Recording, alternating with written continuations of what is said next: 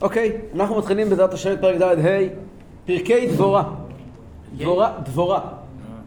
דבורה הנביאה. זה הסיפור של דבורה הנביאה, מלחמת סיסרא.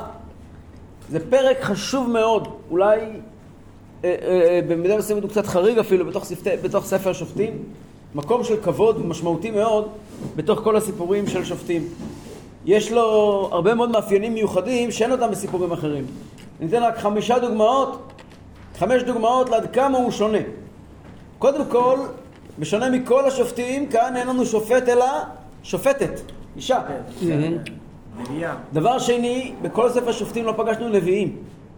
פה יש לנו נביאה. דבר שלישי, יש פה ניסים למעלה מדרך הטבע, דבר שלא אופייני לספר שופטים. זה מתאים לנו ליהושע, לא לשופטים. דבר רביעי... דבר רביעי, כנראה, כאשר כל המלחמות בשופטים הם היו עם אנשים רחוקים בעיקר. עם עמון, עם מואב, פלישתים, והכל הסתיים עם... אה, דחקו אותם קצת ושקט.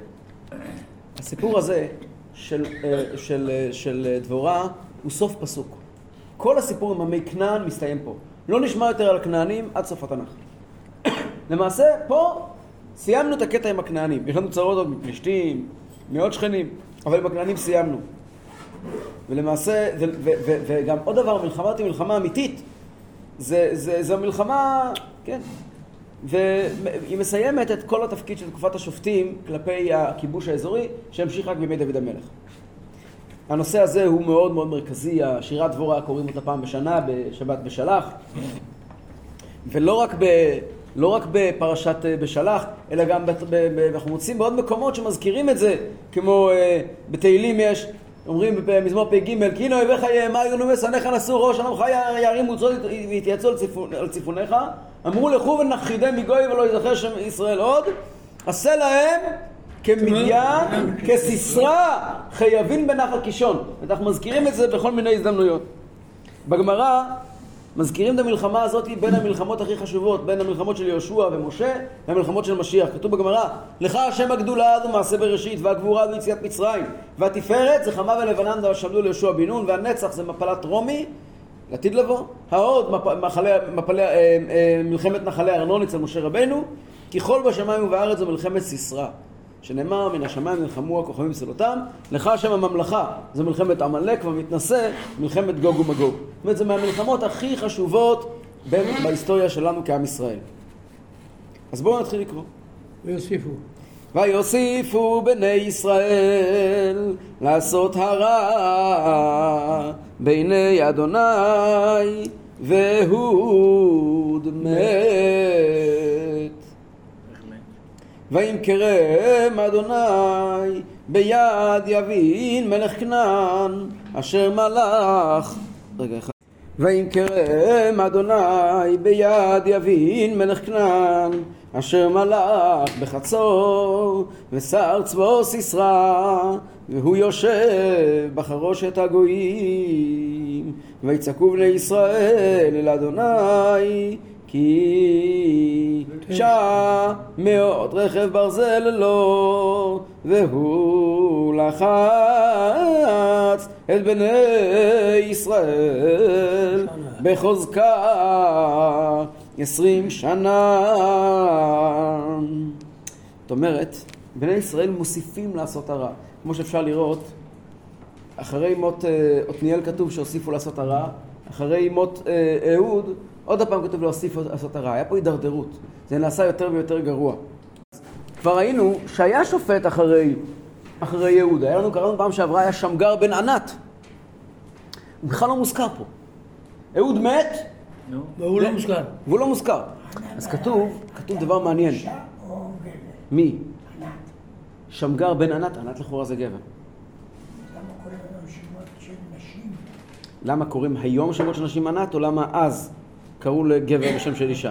מי אמר לך שענת זה שם של אישה? בתורה רואים שזה שם של גבר. פה זה המקור, כן? היום קוראים שמות על פיו. כנראה זה שם של גבר, כנראה, לא יודע. בכל אופן, אז שמגר בן ענת, הוא היה, כך כותבים המפרשים, הוא לא היה בזמן נפרד. הוא לא היה אחרי מות אהוד. אהוד הזדקן. בסוף חייו של אהוד, כבר פעל שמגר. כי אהוד כבר לא היה בכושר, והעם הלך והידרדר. המצב התחיל להיות לא בסדר כבר בסוף ימי אהוד. לכן שימו לב כתוב, ויוסיפו בני ישראל לעשות הרע, ואהוד מת. לא כתוב אהוד מת ועשו הרע, כתוב ויוסיפו לעשות הרע, ואהוד מת. כי זה הלך ונחלש. גם אנחנו נראה בעזרת השם בשירת דבורה בפרק הבא, שם כתוב בימי שמגר בן ענת בימי יעל חדלו אורחות, היה שם כבר רדיפות, והמצב כבר לא היה תקין אה, מבחינות שונות. אוקיי, ומי מי, מי, הוא, מי, מי זה יבין מלך הצור? אז האמת היא שיבין מלך הצור, כבר למדנו עליו בספר יהושע. אם אתם זוכרים, בספר יהושע יש שתי מלחמות גדולות מאוד. מלחמת מלכי הדרום ומלחמת מלכי הצפון. מלחמת מלכי הדרום זה עם, ה, עם האש שמש בגבעון דום וזה. אחר כך היה מלחמת מלכי הצפון, וכתוב שמי ארגן את המלחמה הזו? כתוב מפורש, יבין מלך חצור. מי ארגן את זה? אותו בן אדם, אותו יבין. ושם כתוב שיהושע שרף את חצור וכבש את כל העסק. יהושע כהן? יהושע... יהושע, יהושע בן נון. לא יהושע כהן. לא. נשאלת השאלה, כתוב שנשרפה יבין. נשרפה העיר והוא נהרג יבין. אז איך יבין פתאום צץ מן המתים? אז אה, מפרשים מסבירים שהרד"ק כותב שיבין זה היה שם כללי למלכי חצור. כמו פרעה למצרים, כמו אבימלך לפלישתים, אז יבין היה שם כללי למלכי כנען, מלכי חצור. המצודת על דוד אומר שזה היה אותו מלך, והוא לא נהרג, הוא ברח וזה, אבל בפשטות הרד"ק כותב שזו הייתה משפחה. אבל להבין לזה יש חשבון עם עם ישראל, חשבון ישן, מובן אפילו. ויבין יושב, יבין יושב במקום שבו הוא יושב, אמרנו מקודם איפה הוא יושב, הוא מלך בחצור, אבל איפה הוא יושב? בחרושת הגויים. מה זה חרושת הגויים? כל המפרשים עוסקים להבין מה זה המילים האלה, חרושת הגויים, שם לא שגרתי. חרושת מלשון חורשה, מלשון יער, כן? מקום שהיו מגדלים גבוהים בנויים מעצי יער, וכל הכנענים שנשארו התווספו, התאספו לשם לחרושת הגויים, ובנו להם עיר מבצר חזקה. זו הייתה עיר גדולה וחזקה, והייתה תעשייה ובתי חרושת. כך כותב מצודת דוד. חוץ מזה, זה היה קו קדמי, קו הגנה על ארם, אדום ועמלק לקראת מלחמה בישראל, כך כותב רבי יוסף קרא והרלב"ג, שזה היה מקום חרושת הגויים, כלומר הרבה גויים, הרבה עמים, השתמשו במקום הזה כפרונט ליין, מקום, אה, אה, אה, בסיס קדמי, חזית, לקראת מלחמה עתידית עם עם ישראל. מה עם ימין? איך הוא צץ? אז אמרנו, יש שתי דעות. דעה, דעה, דעה אחת של הרד"ק, שזה לא הוא, זה שם כללי, זה הנכד שלו. ודעת מגמצא דוד שזה הוא והוא לא נהרג. אוקיי, באמת יבין, יש לו עם עם ישראל, זה לא כמו שמרודפים את עם ישראל מואב או עמון, יש לו עם ישראל חשבון אמיתי עם הרבה מאוד שנים.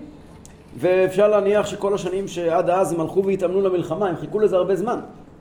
ובמשך כל אותה תקופה, פה לא כתוב, אבל בשירת דבורה כתוב, היה תקופה ארוכה של רדיפות, כמו לפני מלחמה בצפון, מפגיזים אה, כפרים וזה. גם פה כתוב, אה, אנחנו נראה בפרק הבא שאומרת דבורה, חדלו פרזון בישראל חדלו. שנייה. אז כתוב שממש היה קשה ללכת ברחובות, חדלו פרזון בישראל חדלו. לא היה פשוט. לא הלכו ברחובות מרוב פחד מהם. וחז"ל גם מספרים שהוא גם, גם גרם להם לנזקים בתחום המשפחה. כתוב בחז"ל שסיסרא לא אפשר ללכת למקווה. ולמה? כדי, שמשפ... כדי שעם ישראל לא יתרבה. סליחה, סיסרא הזה זה לא שר צבא של ערב? שר צבא של... לא, שר צבא של כנען. כנען, אבל היה גם מלך ארם שהיה לו סיסרא. לא, אתה מתרבה עם... אה, מלך יבין? נעמן. אה, לא, זה מלך יבין אני חושב, לא? סיסרא מלך יבין שהוא היה כנען. אה. יבין מלך כנען, יבין מלך חצור. סיסרא היה גיבור חיל ובילקוט כתוב שבן שלושים שנה היה וכבש כל העולם בכוחו ולא היה כרך שלו היה מפיל חומה בקולו אפילו חיה שבשדה כשהיה נותן עליה קולו לא התעזר ממקומה אמרו כשהיה יורד לרחוץ בנחל קישון היה עולה בזקנו כמה מאכל בני אדם דגים. היה חתיכת וואחד, וואחד בן אדם גדול. ועוד מקום כתוב ועוד מדרש כתוב כשהיה יורד למלחמה היו לוקחים אותו 900 סוסים במרכבה. כשהיה חוזר לא היה אחד מהם יוצא מתחתיו בשלום, היה חותך אותם, את האויבים שלו כמו ברזל לצמר. היה לו 900 רכב ברזל, 900 טנקים של אז, וכולם מכוונים כנגד בני ישראל. וכתוב בחז"ל שהיו לו 40 אלף מפקדים. לא 40 אלף חיילים, אלא 40 אלף מפקדים. ואת כל הכוח הזה הוא כיוון כנגד עם ישראל. ועם ישראל היה, בואו תבינו, זה לא תקופה של דוד המלך ושלמה. עם ישראל מפוזר מפורד, זה שבטים שבטים, אין קשר בין אחד לשני, כל אחד עסוק ב, בהישרדות היומיומית שלו. מול כל זה עומד סיסרא, אין שום יחס בין סיסרא לעגלון. הקודם, עגלון נעמד לשם השם, הוא עומד מכבד. סיסרא הוא אנטי שבאנטי שבאנטי, ומול הסיסרא הנורא הזה, עם ישראל צריכים להתמודד. אותו אי אפשר להרוג. זה לא פשוט בכלל. רק אישה מתמודדת. נכון, זה חלק מהעניין. כן. פוסק ד' הוא דבורה אישה נביאה. אשת לפידות היא שופטה את ישראל. בעת ההיא. והיא יושבת תחת תומר דבורה בין הרמה ובין בית אל בהר אפרים ויעלו אליה בני ישראל למשפט. באותו דור הקדוש ברוך הוא לא העמיד לעם ישראל שופט אלא שופטת. דבורה אשת לפידות. מה זה אשת לפידות? אומר המצודת דוד, אשת חיל זריזה במעשיה כלפיד אש. דבורה הייתה אחת מתוך שבע נביאות שעמדו לישראל, שרה, מרים, דבורה, חנה, אביגיל, חולדה ואסתר. יהודית? יהודית לא הייתה נביאה. דבורה היא לא רק הייתה השופטת היחידה, אלא גם הנביא היחידי שמוזכר בכל ספר שופטים, כמו שהזכרנו מקודם. היה עוד נביא שחי באותו זמן, אבל לא שומעים עליו. מי הנביא שחי באותו זמן, אבל הוא בשקט באותה תקופה? זה פנחס. פנחס חי לאורך כל תקופת ספר שופטים. מוצאים אותו, לפעמים ולפעמים לא, יש אפילו אה, דעות שזה אליהו הנביא.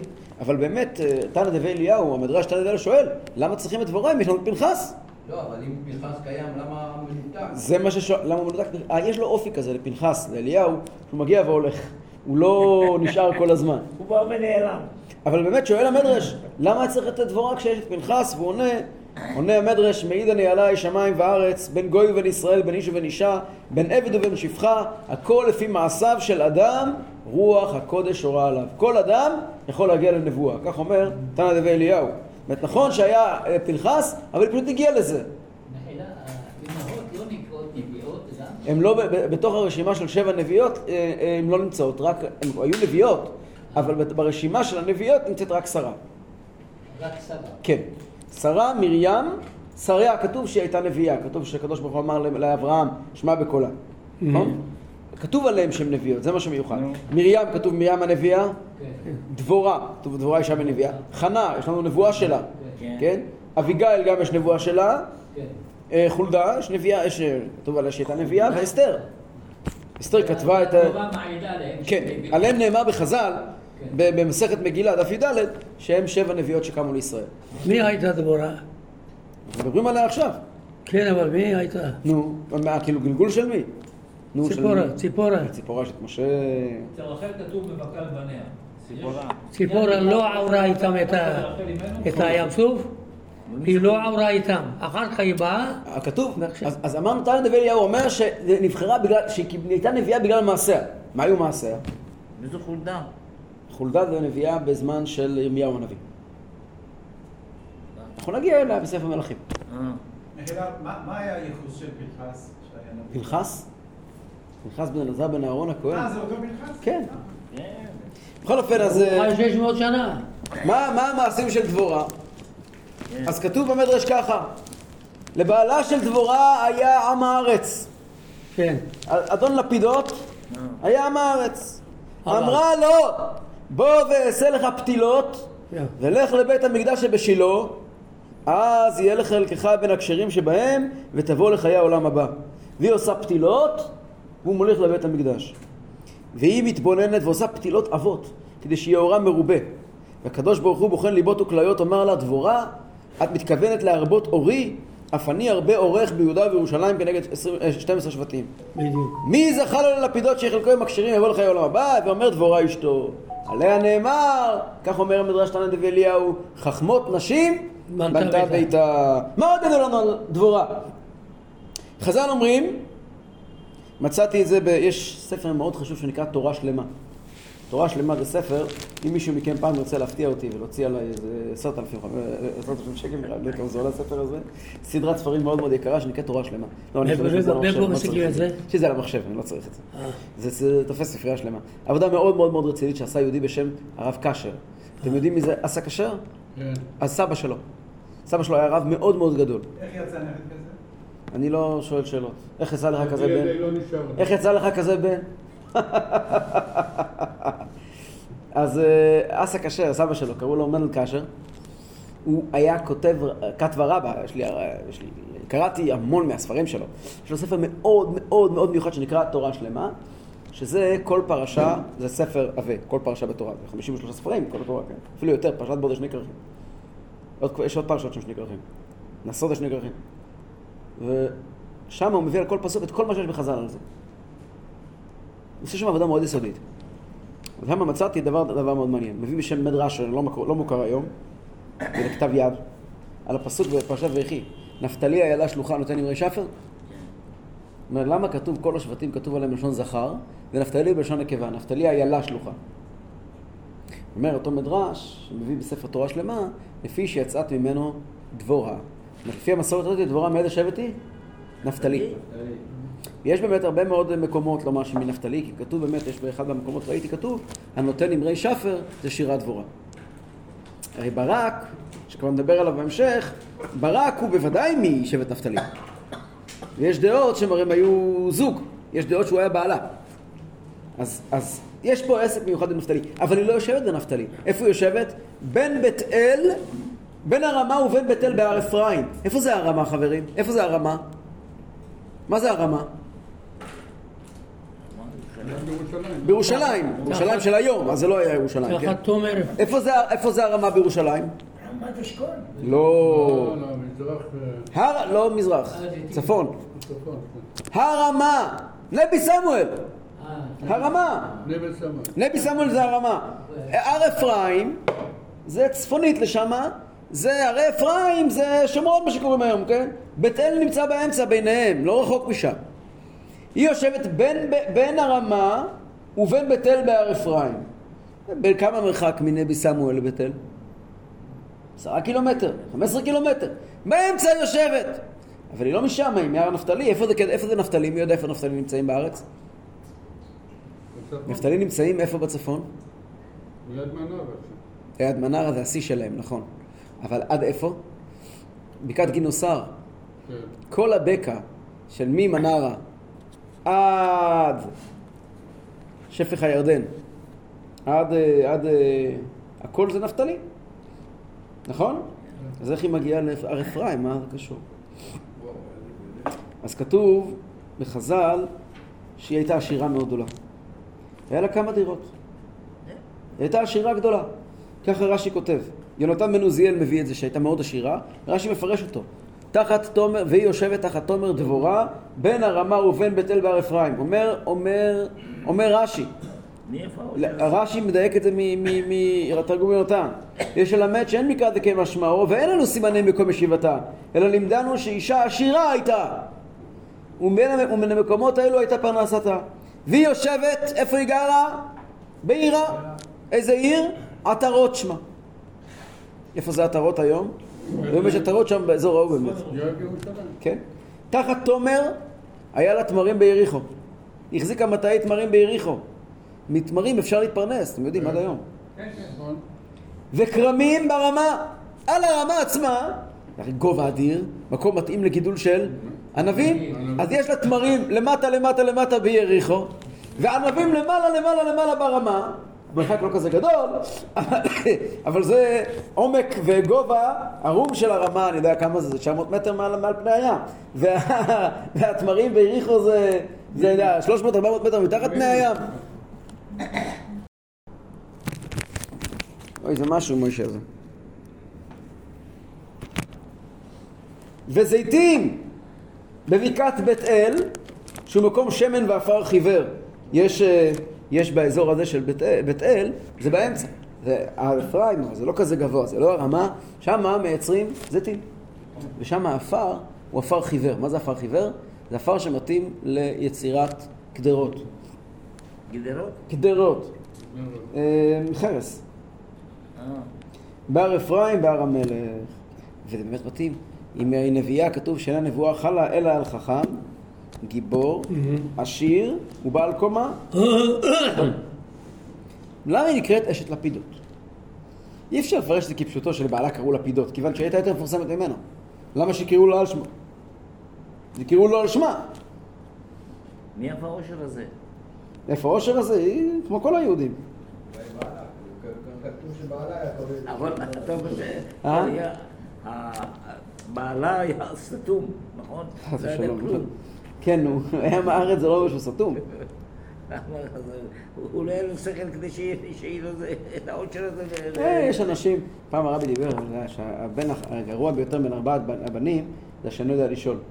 הוא לא סתום בכלל, בעניינים של העולם הזה הוא עושה כסף יפה מאוד.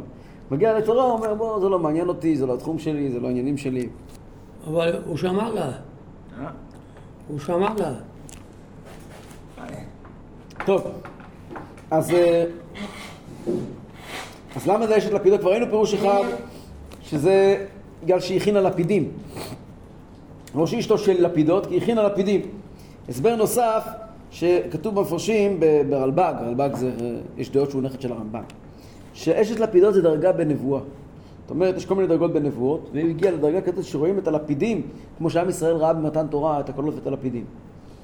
יש כאלה שכותבים שאצל אצל אה, דבורה היו שתי תקופות בחיים. בהתחלה, כך כותב הכלי יקר, הייתה רק נביאה, ואז הייתה נשואה ללפידות. כשהיא הייתה שופטת, היא התחילה להתעסק עם דברי תורה, אז היא פרשה מבעלה? כדי שתוכל להעמיק בדיני התורה. ואז היא שופטת את ישראל, ודבורה היא אישה נביאה אשת לפידות. אחרי זה והיא שופטה את ישראל, עסקה במשפט, היא עזבה את בעלה והתעסקה רק עם אה, אה, משפט. כן. איפה היא ישבה? אמרנו, תחת תומר. למה תחת תומר? אומר לנו אתונה דבי אליהו, כי אישה לא מקבלת קהל בבית, משום ייחוד. איפה היא מקבלת קהל? מתחת, בחוץ, תחת תומר. כי תומר זה דקל, לא יכול להיות שם ייחוד. זה מאוד מאוד גבוה. כן, אה, כן, כך כתוב בחז"ל, שלא יהיה עניין של ייחוד. התומר הוא עץ מאוד גבוה, וככה אין שום בעיה של ייחוד. עוד הסבירו, אמרו חכמים, כך כתוב בתון דבי אליהו, כשם ששמואל יושב ברמה, כן, אבי סמואל, גם היא, אמרנו שהיא ברמה. בין, בין הרמה, הכוונה היא שהייתה ברמת הנבואה של שמואל הנביא, שזה מאוד מאוד גבוה. סמואל זה שם ערבי, של מי? של סמואל. של מי? של שמואל. שמואל הנביא, לא של הרבט סמואל. שמואל הנביא. סמואל. כן? נבי סמואל.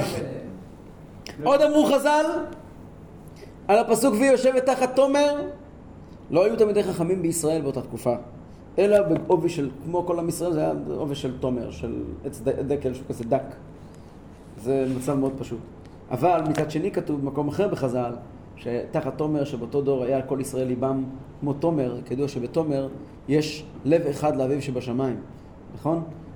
תמר, אתה מסתכל על העץ, אין לו הרבה כיוונים. הוא הולך כיוון אחד כלפי מעלה, נכון? ראש. לב אחד כלפי אביו שבשמיים. אז עם ישראל באותו דור היה להם לב אחד מכוון כלפי אביו שבשמיים. האם זה סתירה לזה שהם לא היו, שהם לא היו תלמידי חכמים? לא, זה לא סתירה. הרבה פעמים דווקא כשאין תלמידי חכמים אז הלב מכוון כלפי שמיים. אבל באמת, בשונה מכל העצים שיש להם ענפים וכיוונים, כאן כולם היו מכוונים כלפי שמיים. אז היה להם ירידה או לא הייתה להם ירידה? מחלוקת המדרשים. יש מדרש שאומר, אפשר אולי לקחת, אם כתוב במדרש, על הפסוק דודי לי ואני לא, שיר השירים רבה. דודי לי ואני לא, אומר, אומר, אומר השיר השירים רבה, הוא לי לאלוקים ואני לא לאומה, הוא לי לאב ואני לא לבן, הוא לי לרועה ואני לא לצאן. כשהייתה לי צרה, לא תבעתי אלא ממנו, ויצעקו בני ישראל אל השם, כי תשע מאות רכב ברזל לו, והוא לחת את בני ישראל בחוזקה. מהו בחוזקה? בחירופין וגידופין. זאת אומרת, אומר המדרש, אומר המדרש, המצב בעם ישראל לא היה טוב. לא היה טוב. אבל עם ישראל כשיש לו צרה הוא פונה רק לקדוש ברוך הוא. זה העניין של התומר. מצד אחד, אין לו הרבה ענפים, הוא לא תמיד חכם גדול, אבל מצד שני, כשיש לו בעיה, זה רק לקדוש ברוך הוא. זה בעצם המעלה של עם ישראל באותו דור, והחיסרון שלהם גם יחד. אמ, פעם הצמח צדק שאל את אדמו"ר זקן, למה קוראים בהפטרת בשלח את שירת דבורה ולא את שירת דוד? כמו שעושים בשביל של פסח. בשלח יש גם גברים וגם נשים, יש, אז ישיר משה ובני ישראל, וגם תיקח מרים הנביאה. למה הדגש בהפטרה זה על שירת נשים? אז בעל התניא ענה לו סיפור ארוך מאוד מבעל שם טוב, לא ניכנס לכל הסיפור, סיפור מאוד ארוך, שהנקודה היא שהיה יהודי פשוט שרצה, היה מוכן למכור את כל מה שיש לו כדי ללמוד תורה. בשביל זה היה מוכן להפסיד את הכל. הבעל שם טוב לימד אותו את כל התורה עד שהוא נעשה צדיק נסתר.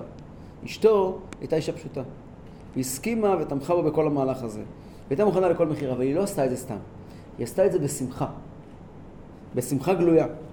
כשאדם נפטר לגן עדן, אז כל עלייה ועלייה שהעלו את הנשמה שלו היו קוראים את אשתו ואומרים לו, כל מה שיש לך להיות זה בגללה.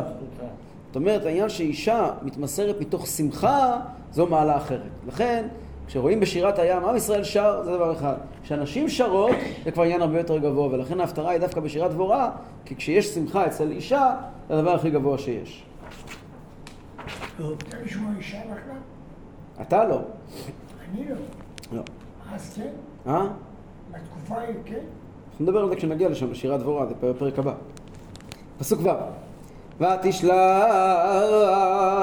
ותקרא לברק בן אבינועם מקדש נפתלי ותאמר אליו הלא ציווה אדוני אלוהי ישראל לך ומשכת בהר תבור ולקחת עמך עשרת אלפים איש מבני נפתלי. ובני זבולון ומשכתי אליך אל נחל קישון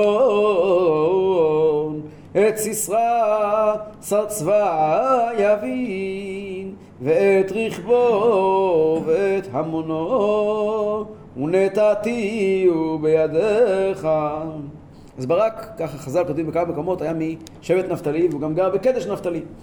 איפה זה קדש נפתלי? קודם אמרת מנרה, אזור של מנרה, נכון? מי זה, הוא מלך ברק? כן. אה? היה מלך ברק? לא. הוא היה יהודי, חכו, יהודי חמוד.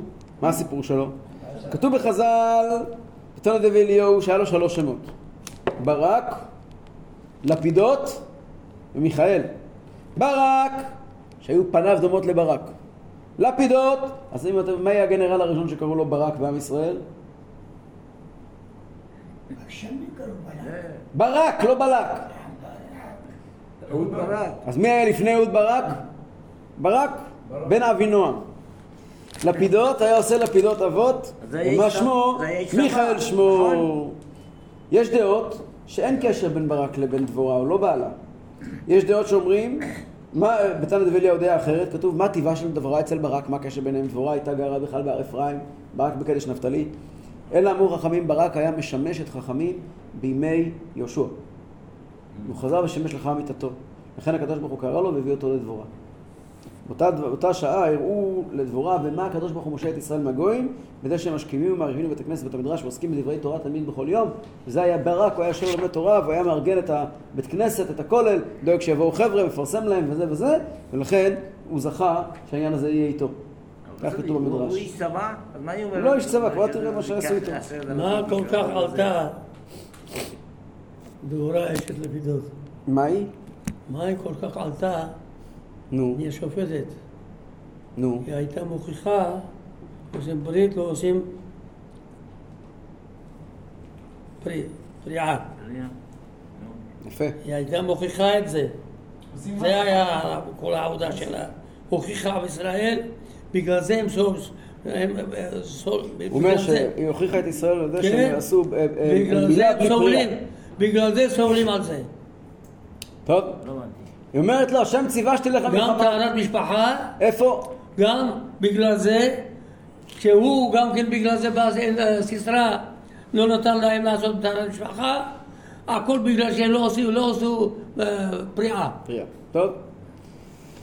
איפה השם אומרת לו דבורה לברק, אתה, השם ציווה שתלך למלחמה. בפשטות זה הנבואה שהיא קיבלה, אבל חז"ל אומרים לא. היא אומרת כתוב בתורה שתלך למלחמה. כתוב בתורה שצריכים להילחם עם הגויים. עם ה... אחריהם תחרים הם. ו... והיא אומרת לו, והסבר שני אומר, ברק היה כן שופט של עם ישראל, ואומרת לו, אם אתה שופט אתה חייב לצאת למלחמה. כתוב בתורה, ודרשו שופטים היטב, ואחר כך כתוב כי תצא למלחמה. ואז היא אומרת לו, איך הוא משכת את, את שבטי ישראל? ומשכתי אליך את סיסרא. היא אומרת לו, תקשיב, יש פה אסטרטגיה. בואו קודם כל נקריא את השטח. מכירים את עמק יזרעאל? יש שטח של עמק יזרעאל. עמק יזרעאל מתחיל בבית שאן במזרח, מסתיים ליד חיפה. עמק ישראל, כן. עמק יזרעאל, כן? מתחיל מבית שאן עד לכרמל, נכון? כן. שטח גדול. בדרום הוא הרי הגלבוע, בצפון זה הגליל, כן? צפון גליל, דרום גלבוע, מזרח ירדן, שמאל כרמל. מזרח, אה, מערב כרמל, יפה. באמצע, ה... באמצע העמק יש הר. איזה הר? איזה הר? גלבוע הוא לא, גלבוע בגבול, הגלבוע הוא מדרום. תבור? תבור. הר תבור נמצא באמצע עמק יזרעאל. עמק, הר- תבור נמצא באמצע עמק יזרעאל, הוא בולט מאוד. הוא נמצא לבד. אחרי עפולה. אחרי עפולה, נכון. יש שם כמה נחלים. הבולט שבהם הוא נחל קישון, שיורד מהרי הגלבוע ונמשך לאן? לחיפה. נשפך אל ה- אל ה... בזה בקישון. יפה. הנחל הזה הוא מאוד חשוב גם בימינו, נחל קישון. כן. השבטים שיושבים באזור הזה הם זבולון, חשוב להבין את כל זה. זבולון ויששכר יושבים בעמק, נפתלי יושב מהר תבור וצפונה. אזור מאוד מאוד פורה, ויש בו הרבה שיטפונות. בתקופת אנו באנו הכל היה מלא יתושים. יש שם הרבה שיטפונות. ימי גשם האזור כולו הופך לביצה עד לימינו אנו. בטח, באו ואישו. ייבשו אותם. זה לא מקום טוב עבור מרכבת ברזל, עבור טנקים, להסתובב בו. בטח לא אז, לא היה להם שרשראות. דבורה אומרת, אני אארגן לך שברק, שסיסרא יבוא לעמק. כן. בעמק זה לא מקום טוב בשבילו להילחם. הוא השקע. הוא ישקע. למות שם. אתה תביא את השבטים לאן? להר תבור. אתם תהיו על ההר, הוא יהיה בעמק, הוא יהיה בבעיה. עכשיו, איך ברק ייקח את הדברים, את השבטים להר תבור? הוא ישכנע אותם, כן? ידבר איתם, תבואו וזה וזה. אבל איך דבורה תמשוך את סיסרא לעמק? אז, אה, אז אה, הסבר אחד הוא שסיסרא יראה את השבטים עולים על ההר, מתכוננים למלחמה, הוא כבר יבוא. כן? כך כותב, אה, כך כותבים חכמי צרפת. זאת אומרת, כאילו יש פה תכנון לגרום לו לצאת מאזור הנוחות שלו וללכת לשם ולתקוף אותם בהר תבור, אבל הוא לא יכול לעלות על ההר לפני שהוא טיפס, הלך על העמק, ואז תפרוץ מלחמה, לגרות אותו. לגרות אותו. אבל אה, יש שאלה, זה לא פשוט כל כך ההסבר הזה, כי למה שהוא יכניס את עצמו לכזו סכנה לעבור דרך העמק כשהם נמצאים על ההר? לכן יש מפרשים אחרים שאומרים שסיסרא היו לו חוזים בכוכבים שהזהירו אותו, כך כתוב בכלי יקר, ברד"ק, הזהירו אותו אל תלך. אבל אומרת לו דבורה, ומשכתי אליך, הקדוש ברוך הוא כבר יסדר את העניינים, והוא הוא יצא למרות שהוא ידע את הסכנה. לפי זה יוצא דבר מעניין. דבורה אומרת לברק, אתה תביא את השבטים שיילחמו. היא לא מוכנה לגרום ללבבות של עם ישראל שילכו למלחמה. היא תשכנע את סיסרא ללכת למלחמה. אבל ההחלטה לצאת למלחמה צריכה להיות החלטה מתוך בחירה. אתם תקבלו בחירה חופשית. החלטה לצאת למלחמה, אני כבר אארגן שהעניינים האחרים יסתדרו. אבל אתם צריכים לצאת למלחמה, להחליט. זה כתוב באמת במדרש, בהמשך כתוב שהשכר שלהם היה, שאותו דור, מה היה הזכות שלהם הגדולה? שהם היו מוכנים לצאת למלחמה. וזה דבר שגם בדורנו, לפעמים אתה אומר, עם ישראל לא חסר לו זכויות, ברוך השם. אבל אחת הזכויות הכי גדולות זה שכל כך הרבה צעירים קמים ויוצאים להילחם עבור עם ישראל. כשהם קמים ויוצאים להילחם, אפילו לא משנה כי הם מניחים תפילין כל יום, לא מניחים תפילין. עצם הרצון לצאת להילחם עבור עם ישראל, הוא לבד שווה שהקדוש ברוך הוא בשבילו יושיע את עם ישראל מכל צריהם. לנשים נתן בינה יותר מבגברים. כן. בינה יותר ממנת באישה. בניין. כן, ממנת בניין. כן. אז אישה יכולה ליזום הרבה דברים, אבל לבצע היא לא יכולה. בגלל זה הוא יצא עם, היהוד ככה, נכתב שניהם ביחד. אוקיי. ויאמר אליה ברק, אם תלכי עמי והלכתי, ואם לא תלכי עמי לא אלך. אם את באה איתי, אני הולכת.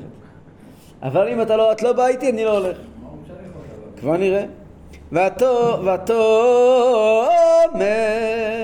הלוך אלך עמך אפס כי לא תהיה תפארתך על הדרך אשר אתה הולך כי ביד אישה ימכור אדוני את סיסרא ותקום דבורה ותלך עם ברק קדשה ויזעק ברק את זבולון ואת נפתלי קדשה ויעל ברגליו עשרת אלפי איש וטל עמו דבורה.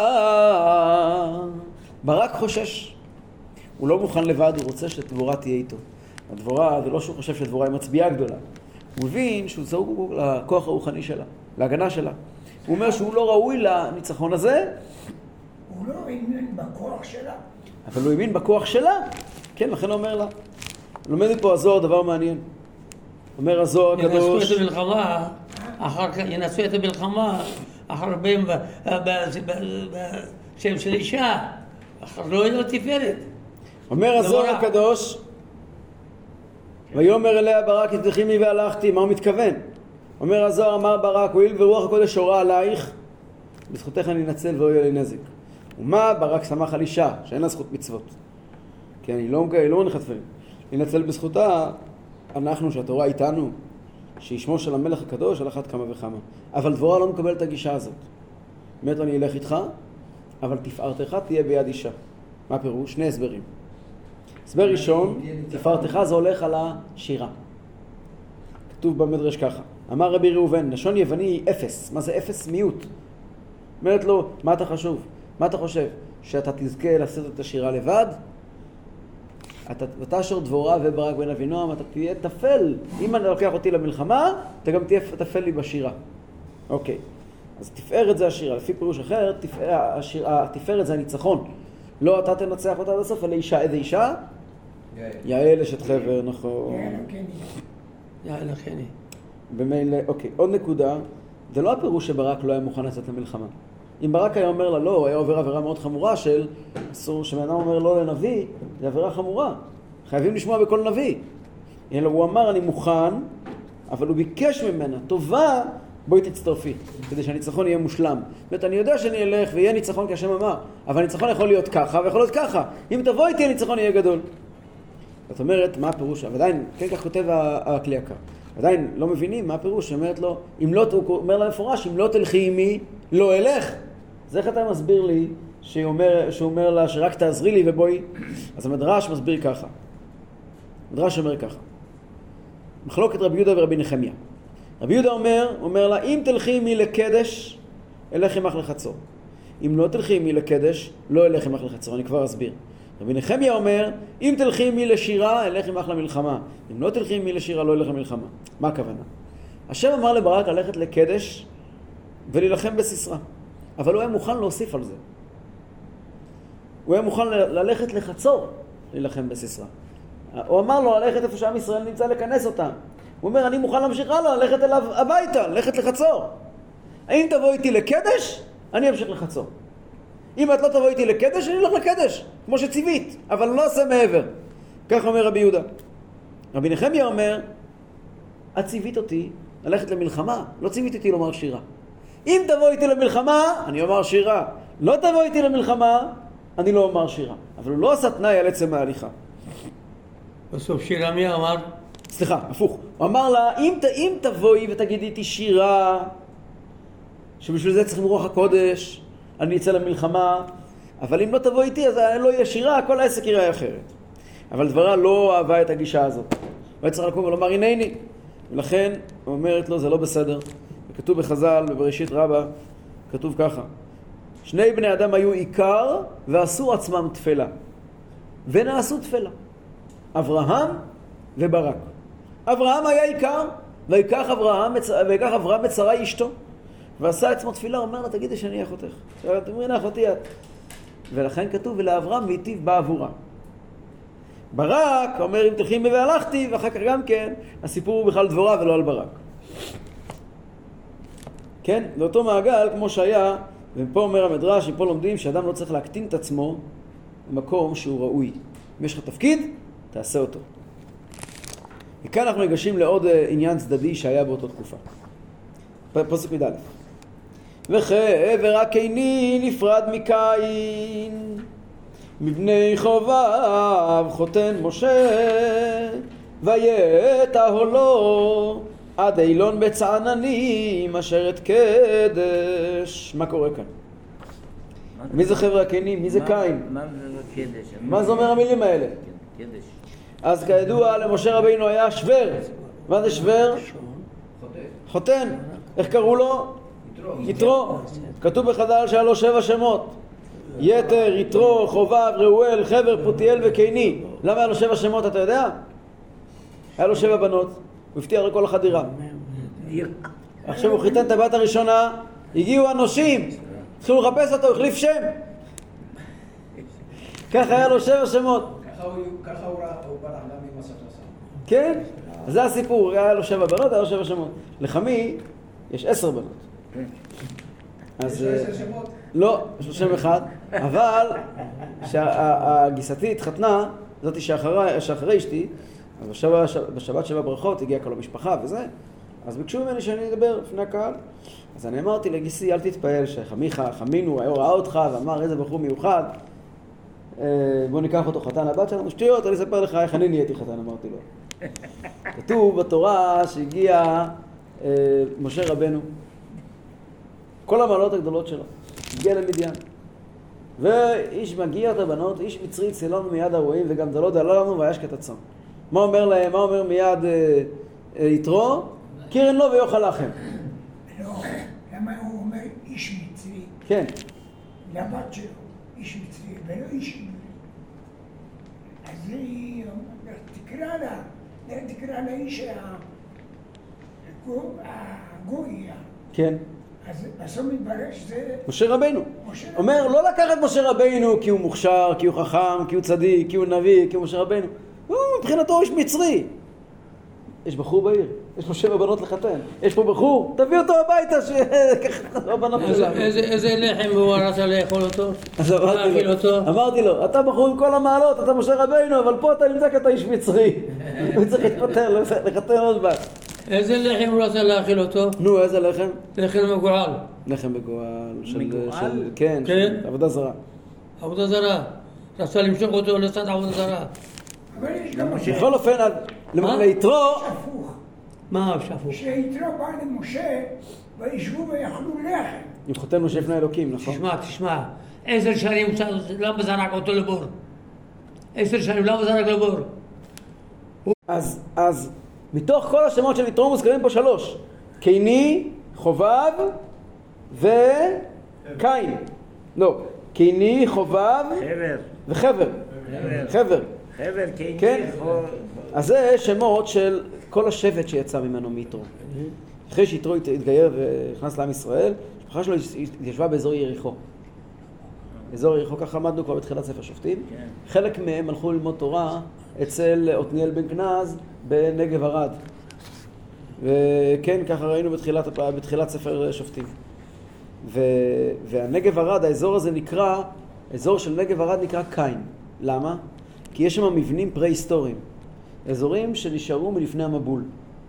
כך כתוב בחז"ל, ב- בפרקי דרבי אליעזר, שהיות שהאזור ההוא של ערד, יש שם מבנים פרה-היסטוריים, שהם שרידים שלפני המבול, שעוד היו בני קין בעולם. לכן הם נקראים גם בני קין. חלק מהם עזבו את החבורה שנמצאים בנגב ערד, ונסעו לאן? לקדש, לנפתלי, לצפון, למה זה קדש? נסעו לשמה, אה? קדש. למה זה קדש? קדש זה במנרה, מנרה. זה מנרה, קריית שמונה. כן. סלח לי, אני עושה. בסדר גמור, אנחנו גם כבר מסיימים.